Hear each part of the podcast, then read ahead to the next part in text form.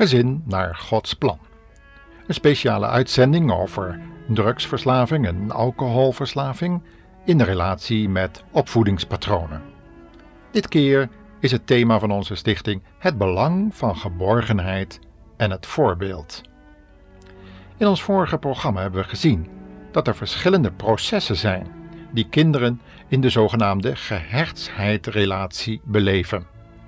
Kinderen reageren op een manier waarop verzorgers met hem of haar omgaan en omgekeerd. Wanneer er een goede relatie is en een sfeer van liefdevolle en welgemeende aandacht en vertrouwen, zullen deze processen zich min of meer probleemloos ontwikkelen. Om terug te komen op die gevoelens van zelfverwerping, kinderen ontwikkelen een speciale relatie met een groep, kleine groep van mensen. Gewoonlijk zijn dat de mensen die voor hen zorgen en hen stimuleren, dat wil zeggen dat ze met de kinderen praten, spelen, ze knuffelen en hen voeden. Dit kan je dan de zogenaamde gehechtheidsrelatie van het kind met deze personen noemen. Deze relatie heeft eigenlijk dus drie kenmerken. Het kind zal in tijden van stress, verdriet, verveling, honger of angst sneller naar deze laatstgenoemde personen gaan. En ten tweede kan het kind makkelijker gerustgesteld en gekalmeerd worden door mensen die voor de genoemde gehechtheidsrelatie hebben zorg gedragen.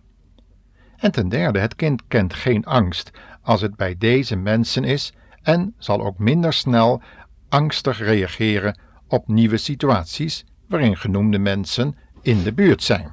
Het is alsof deze mensen voor het kind een haven van veiligheid vormen. In hun aanwezigheid kan het kind veilig nieuwe situaties gaan verkennen, waardoor er zich twee basisprocessen kunnen gaan ontwikkelen. Het eerste is het proces van de zogenaamde interactie. Dat is het uitwisselen van informatie en het aangaan van contacten. Het kind reageert op de manier waarop de verzorger met hem of haar omgaat en omgekeerd. Als de verzorger op een moment reageert wanneer het kind hem nodig heeft, kan het kind zich gaan hechten. Als er echter een communicatiestoornis voordoet en hier niets aan wordt gedaan, zullen er gedragsproblemen kunnen voordoen. We zagen dat het eerste proces zich ontwikkelde als een interactie, waarmee bedoeld wordt dat er een bepaalde vorm van uitwisseling van informatie en het aangaan van contacten plaatsvindt. Tweede proces, dat zich in zo'n sfeer van vertrouwen kan ontwikkelen, is dus het veiligheidsgevoel van het kind. Wanneer de verzorger in de buurt is en blijft, brengt het kind deze aanwezigheid in verband met gevoelens van tevredenheid, veiligheid en geborgenheid. Gevoelens die bij zogenaamde sleutelkinderen afwezig is, omdat het met name de werkende moeder weinig of nooit thuis is als het kind de moeder nodig heeft. Al deze aspecten hebben dan ook invloed op de latere kwaliteit van de relaties.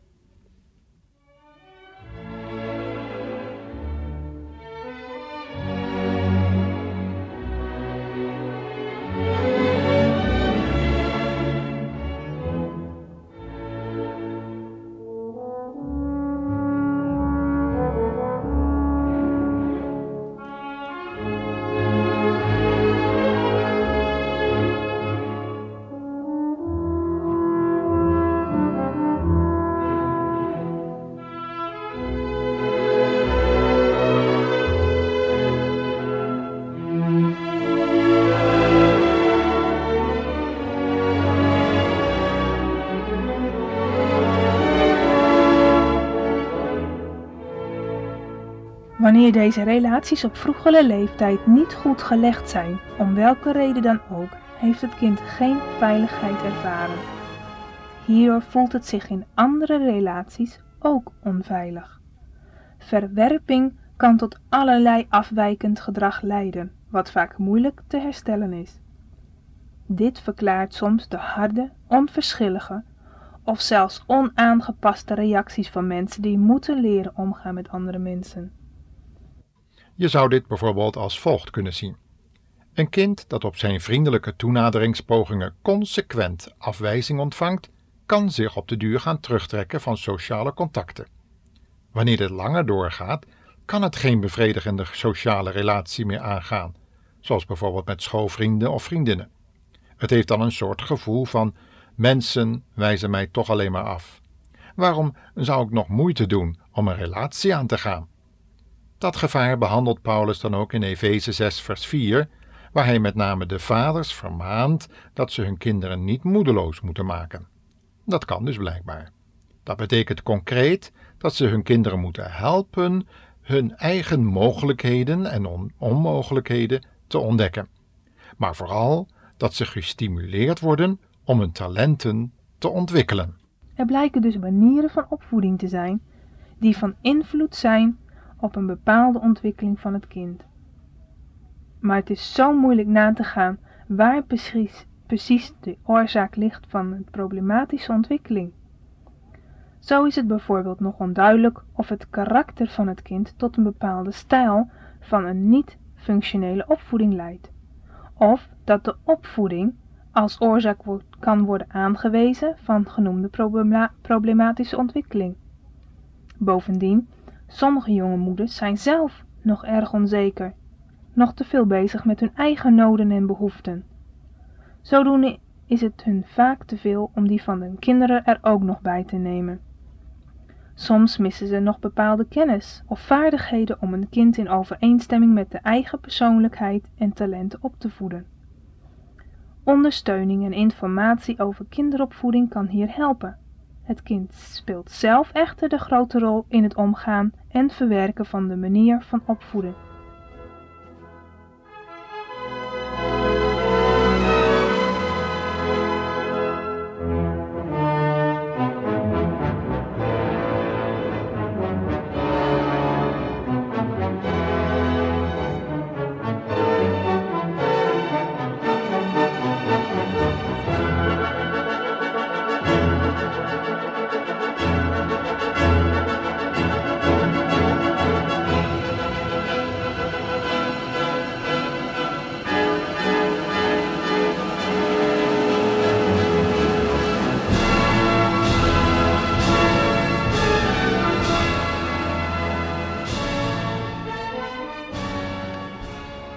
En hierbij wil ik dan tenslotte aan het einde van deze speciale serie uitzendingen over drugs en alcoholgebruik in relatie met de opvoeding nog wel het volgende aantekenen. Het valt mij op dat alle genoemde opvoedingsvragen, zoals Erika Heijs als psychologe ze dus behandeld heeft, in een nogal praktisch kader en signalement is. Wat we als opvoeders nodig hebben, is een altijd geldend kader waarin ieder kind zijn eigen identiteit kan vinden, waarbij de opvoeders gelegenheid krijgen binnen dat kader dat geboden wordt ook de eigen geaardheid van dat kind te ontdekken en binnen bepaalde richtlijnen kan helpen ontwikkelen.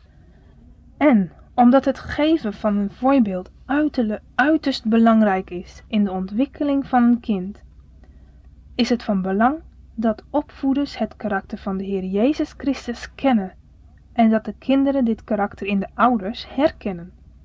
Paulus zag bij de gelovigen daar met verdriet dat de kinderen dat voorbeeld helemaal niet zagen in hun ouders. Hij zegt: Mijn kinderen, u doet mij echt weer verdriet. Ik voel dezelfde pijn als een vrouw die bevalt. Zo sterk is mijn verlangen dat Christus in u zichtbaar wordt.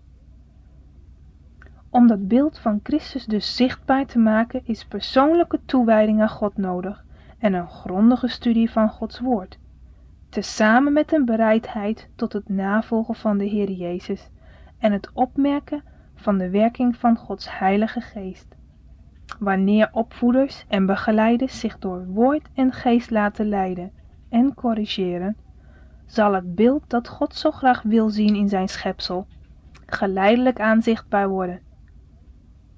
Het beeld zal gelijken op dat van Gods Zoon en de manier waarop wij als opvoeders reageren, zal dan in overeenstemming komen met de wijze van reageren zoals de Heer Jezus deed. Kijk eens bijvoorbeeld naar Romeinen 8, vers 29, waar we lezen dat God altijd geweten heeft wie hem zouden liefhebben. En hij bepaalde ook dat die mensen zijn zoon zouden weerspiegelen. Want hij wilde dat zijn zoon de eerste en de belangrijkste van veel broers zou zijn.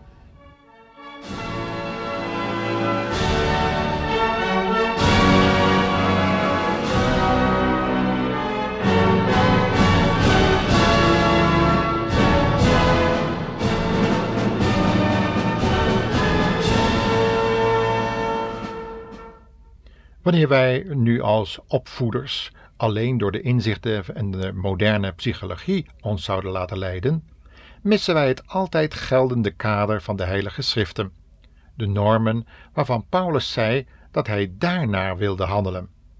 In Galaten 6, vers 16 zegt hij namelijk: Gods vrede en goedheid zijn voor allen die volgens deze regel leven. Ze zijn Gods eigen volk.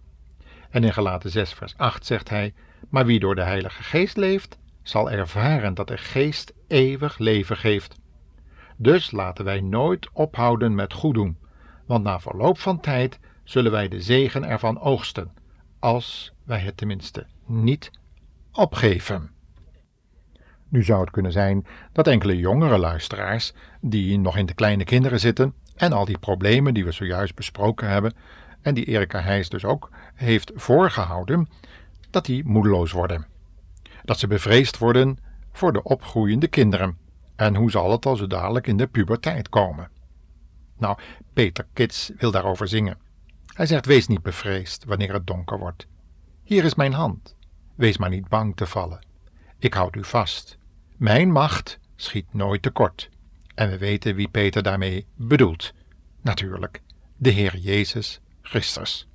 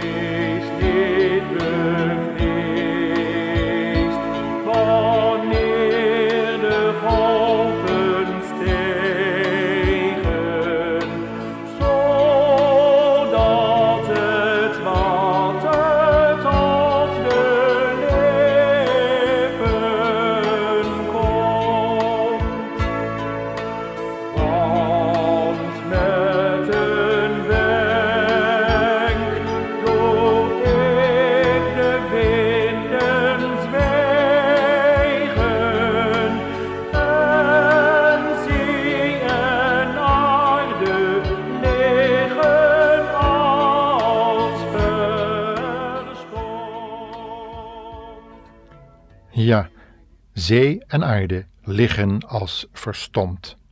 Want met één wenk doe ik de winden zwijgen. Zo spreekt de Heer Jezus Christus. Laten we daarom ook deze programma's hiermee eindigen en daarmee u oproepen om nog naar een laatste van deze serie te luisteren. En die zal gaan over slavernij, slaven van de zonde, afkikken. Ja, en we hebben het nu over alcohol en drugs gehad. Maar daar valt natuurlijk ook het roken van sigaretten onder. Zonder daar al te veel oordelen over te willen uitspreken, dit is zo'n ingewortelde gewoonte eigenlijk, hè, zouden we zeker in het belang van de problemen die drugsverslaafden kennen, wanneer ze willen afkicken, hen in ieder geval willen oproepen om te stoppen met roken. Want dat is de eerste aanleiding geweest voor een niet nietwaar? Daarom zullen we meneer Steenhuis een evangelist in Nederland die uh, grote uh, hoeveelheden mensen mag bereiken met boeken en met prediken, zullen we aan het woord laten hoe hij denkt over roken en hoe hij daarvan is afgekomen. Dus tot de volgende keer.